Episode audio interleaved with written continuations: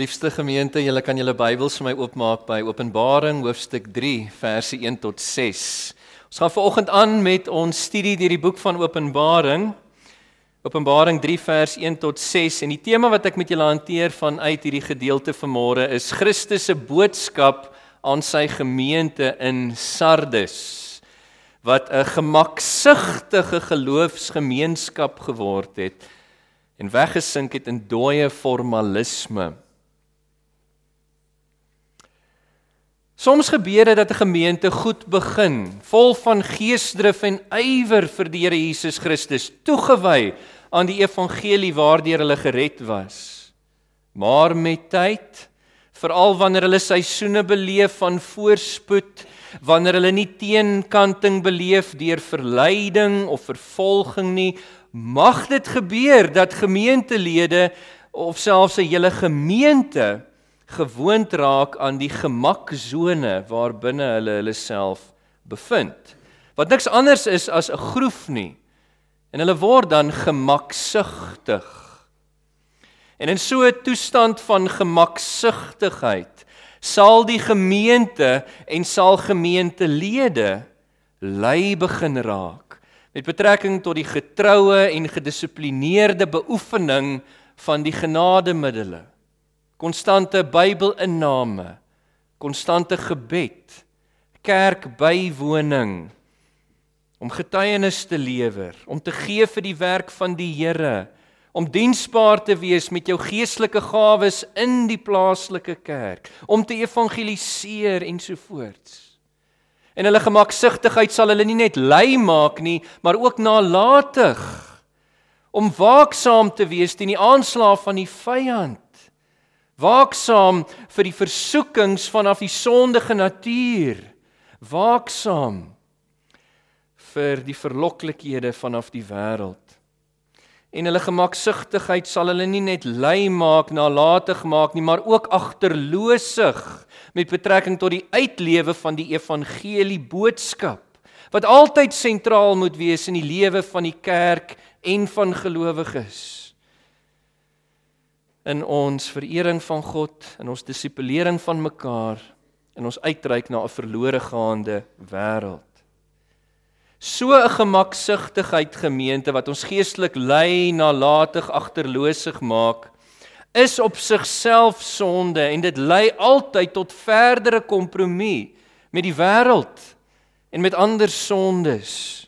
En wanneer dit gebeur, dan word die Heilige Gees in gelowiges se lewe en ook in die gemeente se lewe bedroef soos Efesiërs 4 vers 30 vir ons sê. En sy effektiewe werking in die gemeente word uitgeblus sê 1 Tessalonisense 5 vers 19 met die gevolg dat die gemeente stilweg verval in 'n toestand van geestelike sluimering. Hulle raak geestelik aan die slaap van wie hulle gemaksigtigheid. En kyk gemeente, dit gebeur alles baie subtiel. Baie subtiel. 'n Groot deel van die gemeente sal nie eens besef dit is aan die gebeur nie, want uiterlik gebeur alles dan nog soos dit altyd gebeur het. Ek meen die gemeente geniet steeds goeie opkomste. Daar word steeds gepreek van die kansel af. Die lofprysing is steeds stimulerend, die samesyn is steeds opbouend, bedienings uh, en ek verwys na Bybelstudie, selgroepe, disippelskapgroepe, sonnaarskool, al die dinge gaan steeds voort soos altyd. Met eerste oogopslag sal dit vir die groter kerk van Jesus wat van buite af toe kyk na die gemeente lyk of alles wel is of daar geestelike lewe in die gemeente is. Maar helaas God wat nie na die uiterlike kyk soos 'n mens nie, maar na die hart, sê 1 Samuel 16 vers 7. Hy kan nie geflous word nie. Hy wat volmaakte kennis dra van elke gemeente se dade en gevolglik hulle geestelike toestand, hy sal weet dat alhoewel so 'n gemeente daarvoor bekend staan dat hulle geestelik lewe, is hulle geestelik dood. Vas aan die slaap. Aan die een kant het daai gemeente se gemaksigtigheid en gevolglike geestelike luiheid, nalatigheid, agterloosigheid veroorsaak dat sy haar getuienis of haar klere besoedel deur toenemende kompromie met die wêreld, toenemende kompromie met sonde.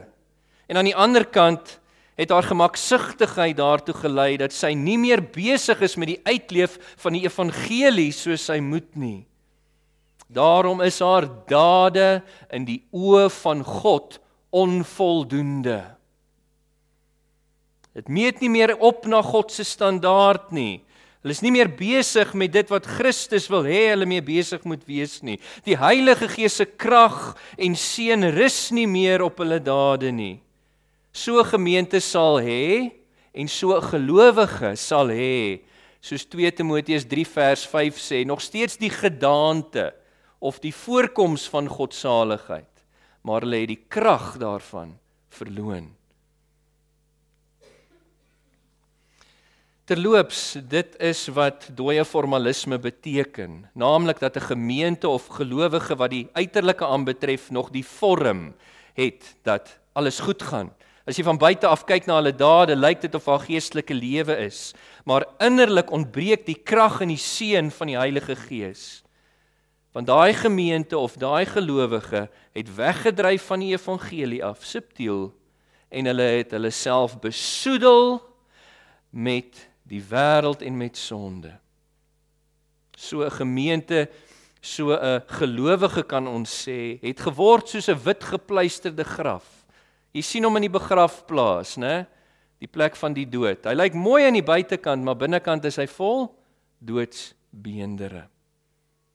Nou gemeente, jy en ek ver oggend het nodig om ag te slaan op Christus se boodskap aan ons vanuit die teks wat ons vandag na gaan kyk. Miskien is jy bewus van so 'n gemeente wat ek pas beskryf het. Miskien kom jy van so 'n gemeente af. Miskien bevind jy jouself ver oggend in so 'n tragiese geestelike toestand. Die Here Jesus stel elkeen van ons vandag voor 'n kruispunt. En vir ons as 'n gemeente voor 'n kruispunt om ernstig selfondersoek in te stel na ons eie persoonlike geestelike toestand voor hom is ook die van ons gemeente. Ons het nodig om na onsself te kyk in die spieël van God se woord. Is dit wat ek sopas beskryf het waar van jou geliefde? Is dit wat ek sopas beskryf het waar van ons as 'n gemeente? Mag die Heilige Gees ver oggend aan ons uitwys as dit so is. Gemeente, dit was ook die situasie van die eerste eeuse gemeente in die stad Sardes vir wie die Here Jesus sterk aanspreek in ons teks. En God wil vir ons waarsku vandag deur Christus se boodskap aan die gemeente in Sardes. Hy wil ons waarsku sodat ons nie ook subtiel en onbewustelik in die sondige groef van gemaksigtigheid verval. Dat ons nie onsself geestelik lei nalatig en agterloosig maak nie. Dat ons nie van die evangelie wegdryf en ons getuienis of ons klere besoedel deur kompromie nie. Want dan sal Christus op ons afkom soos vers 3 sê met sy dissipline en hy sal ons nie spaar nie.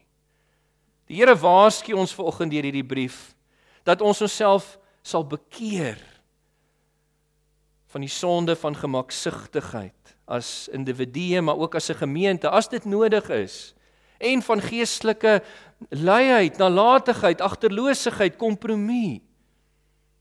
Die Here waarsku ons dat ons sal wakker wees om te waak teen hierdie sonde van gemaksigtigheid en die uitvloeisels daarvan in ons persoonlike lewens. Die Here waarsku ons ook dat ons sal versterk ons medelidmate in die gemeente wat ons sien besig is om weg te sink in gemaksigtigheid.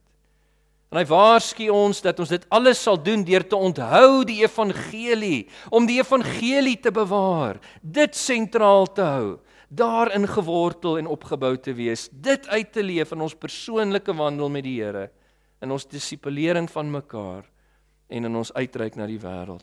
Gemeente, wanneer ons dit doen, dan sal ons werke in die oë van God voldoende wees. En sal ons Bybelse gronde hê om seker te wees dat die beloftes wat Christus in die teks maak ook ons deel sal wees. Met dit gesê gemeente, kom ek lees vir ons ons teks en dan bid ek vir ons. Openbaring 3 vanaf vers 1 lees: Skryf ook aan die boodskapper van die gemeente in Sardes. Dit sê hy wat die sewe geeste van God en die sewe sterre het. Ek ken jou dade, gemeente. Jy staan daarvoor bekend dat jy lewe, maar jy is dood. Wees wakker versterk diegene wat nog oor is, wat op die punt is om dood te gaan. Ek het gevind dat jou dade in die oë van God nie voldoende is nie. Onthou dan hoe jy die boodskap, die evangelie ontvang en daarna geluister het en bewaar dit en bekeer jou. As jy egter nie wakker skrik nie, sal ek soos 'n dief opdaag en jy sal nie weet op watter tydstip ek by jou aankom nie.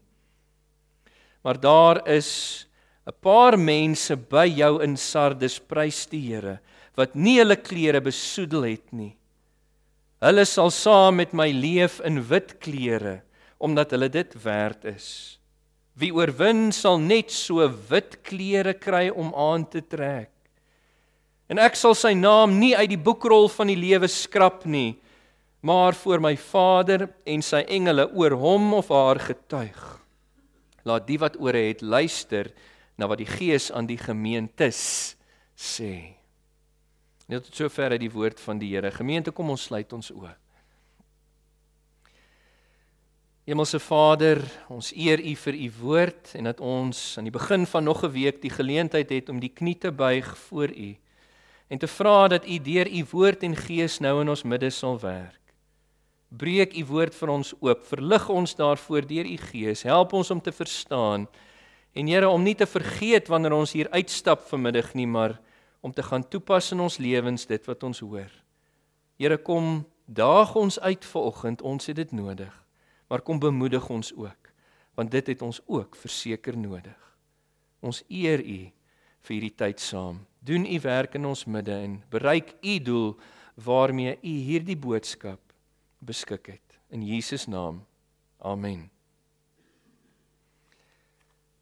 Gemeente soos ook in die ander briewe wat ons reeds behandel het hier in Openbaring 2 en 3 lees ons eerstens omtrent Christus se bevel in vers 1. Kyk weer saam met my na julle Bybels, Christus se bevel Hy sê skryf ook aan die boodskapper van die gemeente in Sardes. Dit sê hy wat die sewe geeste van God en die sewe sterre het. Nou die Here Jesus beveel hier vir die apostel Johannes wat homself op die eiland Patmos bevind as gevolg van die woord van die Here en die getuienis van Christus. Hy beveel vir Johannes die apostel skryf aan die menslike boodskapper. Dit is die angelos in die Grieks hier. Uh, met ander woorde die herder leraar van daai gemeente skryf aan hom sodat hy die boodskap van Christus in beerd weer kan oordra aan die hele gemeente. En hierdie boodskap vanaf God word geadresseer aan 'n spesifieke gemeente in 'n spesifieke stad, naamlik soos die teks sê, die gemeente in Sardes. En ek wil slegs twee feite oor die stad en oor die gemeente aan julle meedeel sodat ons hierdie boodskap van Jesus aan hulle beter kan verstaan. Eerstens met betrekking tot die stad. Sardes, die stad was geleë op 'n bergheuwel. Um in die Hermesvallei, steilkraanse aan al die kante van hierdie stad af wat jy bykans nie kon opkom teen nie. Daar was slegs een paadjie wat opgelei het na die stad toe, na die versterkte stadspoorte.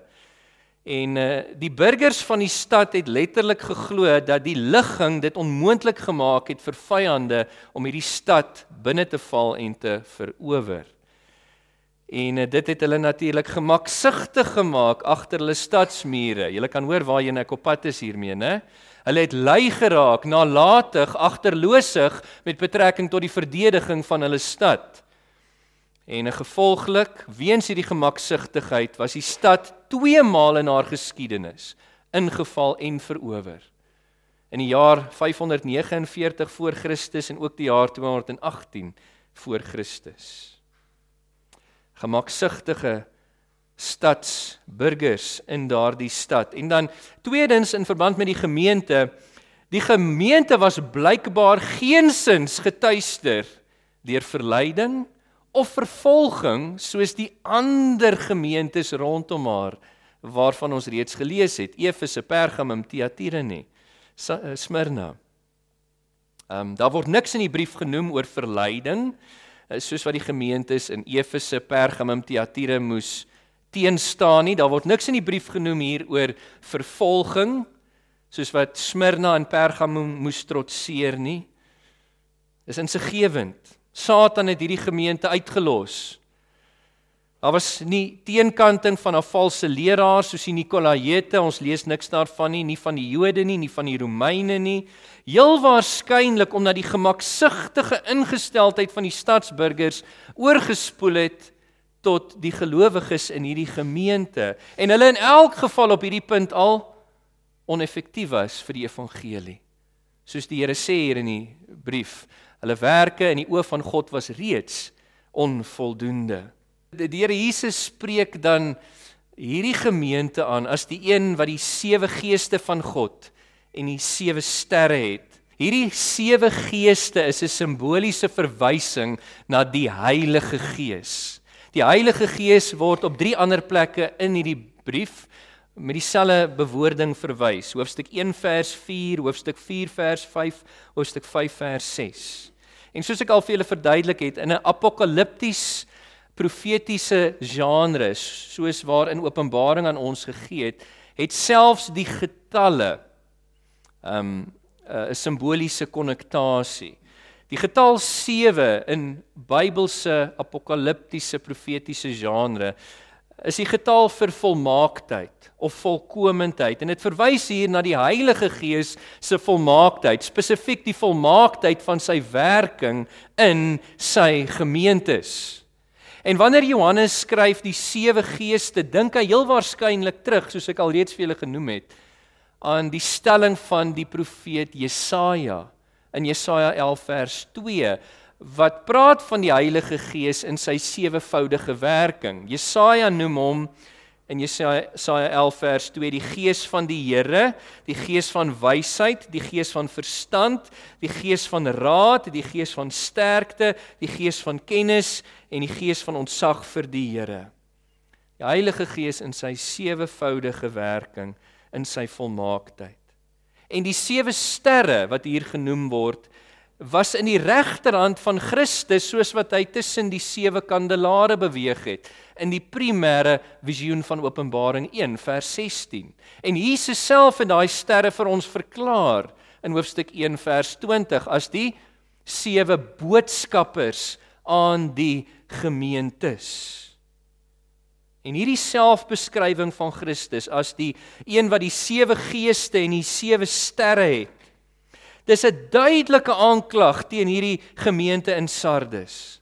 Dit kommunikeer aan hulle die Heilige Gees wat hulle besig was om te bedroef en uit te blus in hulle gemaksigtigheid, is sy Heilige Gees. En die evangelie wat hulle vergeet het waarvan hulle besig was om af te dwaal, is sy evangelie wat sy sterre of boodskappers verkondig in die gemeente.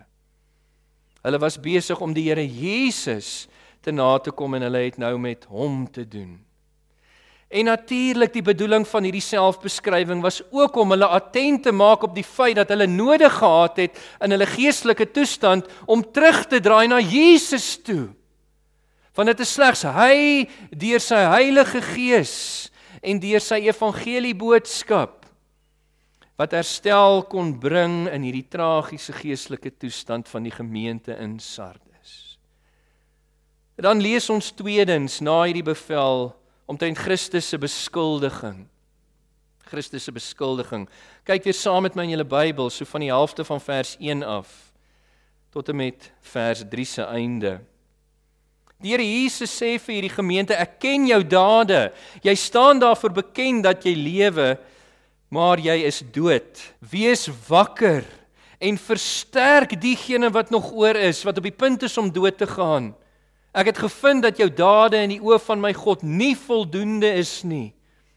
Onthou dan hoe jy die boodskap ontvang en daarna geluister het. Bewaar dit en bekeer jou. As jy egter nie wakker skrik nie, sal ek soos 'n dief opdaag en jy sal nie weet op watter tydskrif tydstip ek teen jou aankom nie. Let op hoe lees ek dit. Daai woordjie by jou word beter vertaal is teen jou. Dit is 'n merker van oppositie in die teks in die Grieks. Die Here het beplan om teen hulle aan te kom. Nou die Here Jesus sê vir hierdie gelowiges, ek ken jou dade. Met ander woorde, hy wat alsiende, alwetend is, God, hy maak bekend, hy's goed bewus van die doen en late van hierdie gelowiges en gevolglik ook hulle geestelike toestand. Sy beskuldiging teen hierdie eerste eeuse gemeente was dat hulle bedrieglike harte en onthou gemeente soos Jeremia 17 vers 9 sê, ons harte is bedrieglik. Wie kan dit ken? Hulle bedrieglike harte het hulle mislei, blind gemaak vir hulle tragiese geestelike toestand en hierdie sondige groef waarin hulle hulle self bevind het. Selfs die ander gemeente in hierdie Romeinse provinsie van Asië wat van buite af toegekyk het wanneer hulle gekyk het na die gemeente in Sardes. Wanneer Efese, Smyrna, Pergamum, Thyatira, Philadelphia, Laodicea gekyk het, was hulle van die opinie, ja, daar's geestelike lewe in daai gemeente. Hulle het bekend gestaan dat daar lewe was. Goeie opkomste, die woord word verkondig. Daar's lofsang. Daar's bedienings, daar's dinge aan die gang in daai gemeente. Maar Christus ruk die mat van selfmisleiding onder hulle uit. En met fermheid, maar in baie liefde. Baie liefde sê die Here vir hulle, jy is geestelik dood. Wat 'n aantuiging teen hierdie gemeente wat blykbaar geen oppositie belewe het nie. Hulle het relatiewe vrede en vreedsaamheid beleef in die gemeente, maar helaas, dit was die vrede en vreedsaamheid van die begrafplaas. Want hulle was geestelik dood. Hierdie Sardes gemeente het geword 'n gemaksigtige geloofsgemeenskap. Geestelik lei met betrekking tot die getroue en gedissiplineerde beoefening van die genademiddels. Hulle het geestelik nalate geword met betrekking tot hulle waaksaamheid en die aanslag vanaf die Satan, vanaf die vlees, vanaf die wêreld. Hulle het geestelik agterlose geraak met betrekking tot hulle uitleef van die evangelie. Maar soos ons ons Here Jesus Christus ken, Hy los hulle nie net met 'n beskuldiging nie. Hy wat sy kerk liefhet met 'n onverdiende, onverklaarbare, onvoorwaardelike liefde, maak aan hulle bekend wat hy van hulle verwag om uit daai geestelike toestand uit te kom. Hier in verse 2 en 3 gee Jesus vir hulle vyf werkwoorde in die imperatiewe vorm. Met ander woorde vyf opdragte vyf dinge wat hy van hulle verwag om uit daai situasie op te staan. Die eerste woord is bekeer in vers 3. Bekeer jou metanoeison in die Grieks wat beteken om 'n algehele lewensverandering te maak op grond van die verandering van jou denke oor sonde en geregtigheid, 'n totale lewensverandering. Dit wil sê Jesus wou hê hulle moes met berou die sonde van gemaksigtigheid bely en laat staan. Is ook al die uitvloeisels daarvan, geestelike luiheid, nalatigheid, agterloosigheid, kompromie met die wêreld, met sonde. 'n Tweede woord hier is wees wakker in vers 2. Die woordjie gnou Gregoron in die Grieks wat beteken om waaksaam te wees. Met ander woorde die Here Jesus wou hê nie net dat hulle deur bekering moes wakker skrik vanuit hulle geestelike sluimering en slaap nie. Hy wou hê hulle moes wakker bly, konstant nugter, waaksaam teen die sonde van gemaksigtigheid en die uitvloeisels daarvan. Wees wakker, gemeente. 'n Derde werkwoord hier is versterk in vers 2. Styrison in die Grieks, vers 2 uh, eh, versterk. Dit beteken om te veroorsaak dat iemand meer vas, meer ferm, meer standvastig is met betrekking tot sy ingesteldheid en sy oortuigings. So wat Jesus wil hê is dat hulle nie slegs geestelik wakker, waaksaam moes wees met betrekking tot hulle self nie, maar dat hulle moes verantwoordelikheid begin neem vir mekaar. Vir diegene wat hulle sien besig is om weg te sink in gemaksigtigheid. Dat hulle mekaar sou versterk sodat die ander ook tot bekering kon kom en dat hulle dade in die oë van God weer voldoende kon wees. 'n Vierde werkwoord wat Jesus hier gebruik is onthou in vers 3. Onthou. Naimonue. Wat beteken om in herinnering te roep? Dit wil sê Jesus wou hê hulle moes wakker wees. Um met betrekking tot hulle self, hulle moes mekaar versterk deur middel van onthou. Hulle moes die evangelie onthou. Hulle moes terugdink waar hulle begin het naamlik met die evangelie boodskap, die evangelie wat hulle in hulle gemaksigtigheid vergeet het waarvan hulle besig was om af te wyk, moes hulle weer in herinnering roep om daarheen terug te keer. Onthou die evangelie en dan die vyfde werkwoord hier is bewaar in vers 3. Tyry in die Grieks, bewaar beteken om vas te hou, stewig. Dit wil sê Jesus wou hê hulle moes wakker wees Hulle moes mekaar versterk, nie slegs deur die evangelie te onthou nie, maar ook deur die evangelie te bewaar, weer styf vas te hou, sentraal te maak in hulle midde om daarin gewortel, daarin opgebou te wees om dit die fokus te maak van hulle persoonlike lewens en ook hulle gemeentelewe.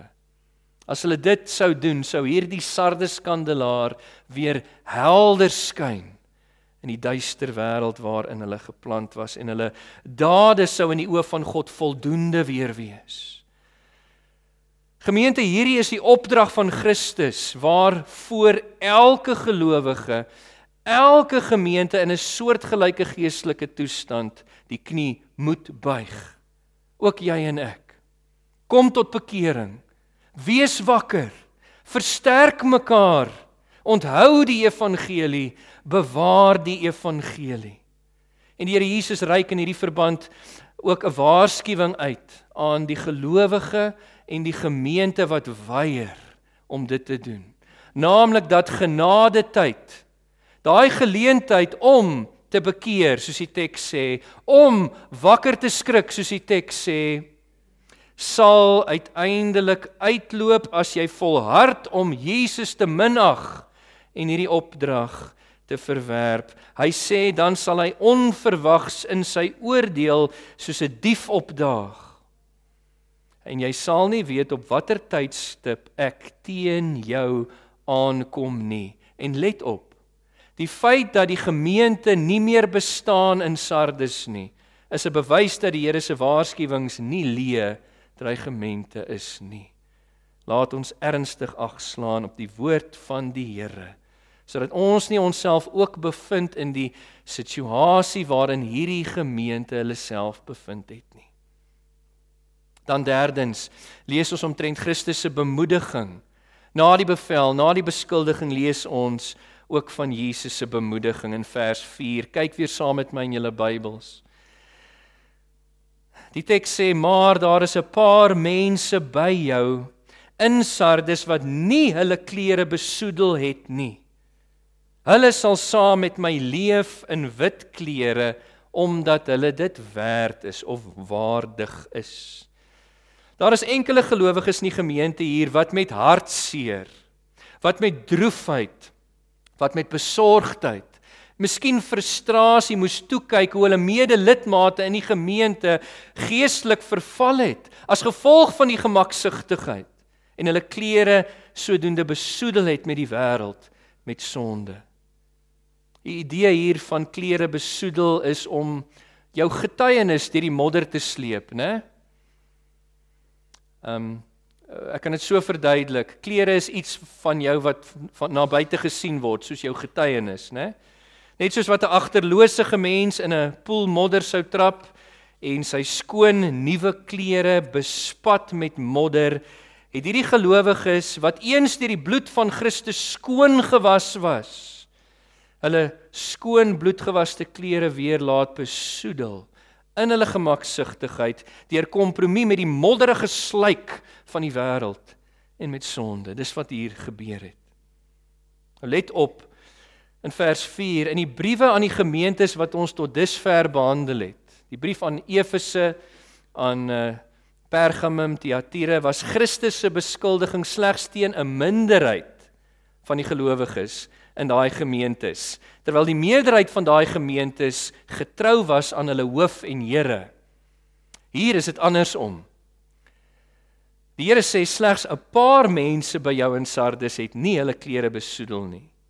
Hierdie gemeente was veronderstel om 'n kandelaar te wees vir Jesus Christus wat sy evangelie lig weerkaats in 'n verlore duister wêreld en hulle het gefaal omdat hulle toegelaat het dat hulle klere besoedel word. Nietemin die Here Jesus wat die dade ken wat weet ook van die hartseer, die besorgdheid, die frustrasie van hierdie paar gelowiges wat getrou gebly het wie nie hulle klere laat besoedel het nie. In sy liefde bemoedig hy hulle. Jy sien die Here sien die enkelinge raak. En hy bemoedig hulle, hulle sal saam met my leef in wit klere omdat hulle dit waardig is. Kom ek verduidelik gou wat eh, bedoel word met hierdie simboliese beeld van die klere hier. Die oomblik van wedergeboorte toe hierdie paar mense geglo het in die evangelie, was hulle gewas deur die bloed van Jesus Christus en hulle was geregverdig. Hulle het regver hulle regverdigmaking is die skoon klere wat hulle aanvanklik vanaf Christus ontvang het. En hierdie skoon klere het hulle as ook alle gelowiges deur die geskiedenis van die kerk, ook jy en ek, die verantwoordelikheid om skoon te bewaar deur 'n heilige lewe. En wanneer gelowiges ernstig is om hulle skoon klere van regverdigmaking eh, te bewaar, soos hierdie paar in Sardes, bewys hulle daardeur dat hulle werklik wedergebore is en dat daar vir hulle 'n ander stel klere wag by die wederkoms van Jesus Christus, naamlik die wit klere van uiteindelike verheerliking. Die verskil tussen hierdie twee pare klere wat van gepraat word in die teks is dat die skoon klere van regverdigmaking wat ons reeds ontvang het met ons bekering dit word steeds in hierdie lewe bevlek want ons is nog nie verlos van die teenwoordigheid van sonde nie ons is steeds sondaars gered deur genade maar ons struikel dikwels en ons het daagliks nog die bloed van Christus nodig om ons te reinig en ons skoon te hou Soos 1 Johannes 1 vers 7 sê, hy wat in die lig leef, hy word konstant gereinig deur die bloed van Christus. Maar met ons verheerliking by die wederkoms van Jesus sal ons ook van die teenwoordigheid van sonde verlos word en die wit klere van sondelose volmaaktheid ontvang. Die wit klere van volmaakte heiligheid, van volmaakte geregtigheid. Dis dit nie iets om na uit te sien nie. Ons wat gebukkend gaan onder die stryd tussen die gees en die vlees elke dag. Hoe verlang ons nie na daai dag? Na daai wit klere wat Jesus hier beloof het nie. Daardie wit klere sal nooit tot in alle ewigheid weer besoedel kan word nie. Na die wederkoms soos Jesus hier in die teks sê, sal ons saam met hom leef in wit klere, sondeloos volmaak in heiligheid en geregtigheid en ons dade sal dan werklik in die oë van God voldoende wees. Hierdie paar gelowiges in Sardes wat besig was om hulle skoon klere van regverdigmaking te bewaar met die hulp van die Gees het bewys dat hulle werklik weergebore was En daarom noem Jesus hulle ook waardig van daai wit klere van verheerliking wat op hulle wag. En dan vierdens laastens in die gemeente in die teksgemeente lees ons omtrent Christus se belofte ook. Nie net sy bevel, sy beskuldiging, sy bemoediging nie, maar sy belofte. Kyk gou saam met my na verse 5 en 6. Die Here sê wie oorwin sal net so wit klere kry om aan te trek. En ek sal sy naam nie uit die boekrol van die lewe skrap nie, maar voor my Vader en sy engele oor hom getuig. Laat die wat ore het luister na wat die Gees aan die gemeentes sê. Gemeente dieselfde belofte wat Christus maak aan hierdie paar gelowiges in Sardes wat hulle klere nie besoedel het saam met die res nie, verstrek hy ook aan alle gelowiges dwars deur die kerk se geskiedenis, ook aan ons. Hy sê as dit ware wie ook al oorwin deur entheid vas te staan in die evangelie, sowel as hulle self bewaar teen die sondige groef van gemaksugtigheid, geestelike luiheid, nalatigheid, agterloosigheid, kompromie. Hulle sal ook bekleë word met dieselfde wit klere sê die Here hier. Die wit klere van finale verheerliking, sondelose volmaaktheid, heiligheid, geregtigheid. Almal wat soos hierdie paar in Sardes volhard op hierdie wyse in die evangelie lewer bewys dat hulle werklik wedergebore is en dat hulle verlossing gevolglik seker is. Dis wat Jesus bedoel hier met ek sal sy naam nooit uitwis uit die boek van die lewe nie. Op die vraag of hierdie stelling van Jesus dat hy nooit hulle name sal skrap uit die boek van die lewe nie, of dit impliseer dat iemand wat eens gered was, se naam uit die boek van die lewe uitgehaal kan word en dat hulle gevolglik verlore kan gaan, kan ek maar net antwoord: Moenie dit wat Christus as 'n belofte bedoel verander in 'n dreigement nie. Hy maak 'n belofte hierso. Hy sê nie met hierdie stelling dat dit moontlik is vir 'n uitverkorene se naam om uit die boek van die lewe uitgehaal te word nie. Dit sou immers teenstrydig wees met die res van wat die Bybel leer op soveel plekke oor die ewige sekuriteit van die uitverkorenes, hulle wat reddende geloof in Jesus Christus het. En ek kan soveel tekste quoteer. Ehm um, terwyl van tyd gaan ek dit nou nie doen nie, maar ehm um, kom ek kwoteer maar net daai besonderse teks in Johannes 6 vers 39 tot 40 Jesus wat sê dat almal wat die Vader my gegee het sal na my toe kom. Ek sal hulle nie uitwerp nie.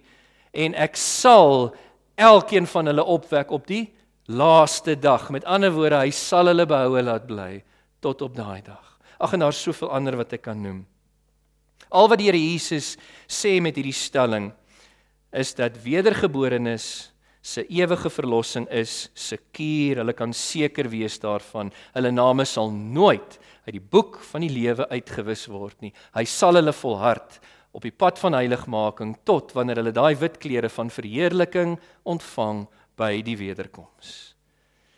En almal wat soos hierdie paar in Sardes volhard in die evangelie, hulle dui ook daarop daarmee aan dat hulle hulle nie skaam vir die Here Jesus nie. Ek meen die, die res van die gemeente het uitgesak, maar hierdie paar het vasgehou. Hulle het hulle nie laat beïnvloed deur die druk van die res van die gemeente nie. En omdat hulle nie geskaam het vir Jesus nie, wat sê Jesus in die teks? Hy sê ek sal my ook nie skaam vir hulle nie. Ek sal die gelowige se naam bely voor my Vader en voor sy engele. God eer altyd diegene wat hom eer. Amen. Gemeente, ek wil hierdie boodskap afsluit vanoggend deur net te sê God het ons gewaarsku vanoggend deur hierdie boodskap aan die gemeente in Sardes dat ons nie ook subtiel, onbewustelik in daai sondige groef van gemaksigtigheid sou verval in geestelike luiheid, nalatigheid, agterloosigheid nie, dat ons nie sal wegdryf van die evangelie af nie, dat ons nie ons klere sal besoedel met gelykvormigheid aan die wêreld en kompromie met sonde nie, want dan sal die Here op ons afkom soos hy sê in vers 3.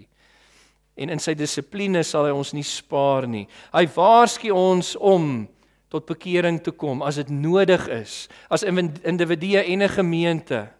Hy waarsku ons sodat ons sal wakker wees, sal waak met betrekking tot die sonde van gemaksigtigheid en die uitvloeisels daarvan.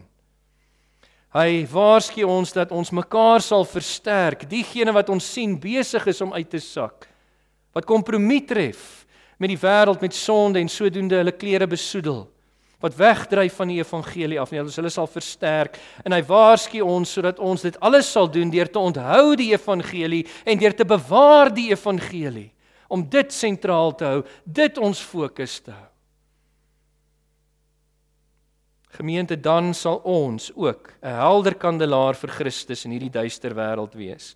Ons dade in die oë van God voldoende en ons sal Bybelse sekerheid hê dat die beloftes wat Christus hier maak ook ons deel sal wees. Hoe wonderlik. Mag die Here sy woord waar maak in ons elkeen se lewens individueel en ook as 'n gemeente. Kom ons sluit ons oë. Hemelse Vader, ons dank U vir U gepredikte woord. Wil vra Here deur U genade dat U die naprediker van U woord sal wees tot ons harte. Mag niemand hier uitstap, Here, en volhard in dieselfde geestelike toestand as die gemeente in Sardes nie. Mag U ons help om ons oë op te lig na Christus. Jesus, hom wie ons liefhet, hy wie die sewe geeste en die sewe sterre vashou. Here, mag ons aflê die sonde van gemaksigtigheid en dit wat daaruit vloei, luiheid, nalatigheid, agterloosigheid, kompromie Help ons om nooit, Here, ons klere te besoedel in hierdie wêreld nie en om die evangelie sentraal te hou. Help ons met hierdie dinge sodat ons dade in die oë van God voldoende mag wees en ons gemeente mag wees tot u eer. Dit bid ons in Jesus se naam. Amen.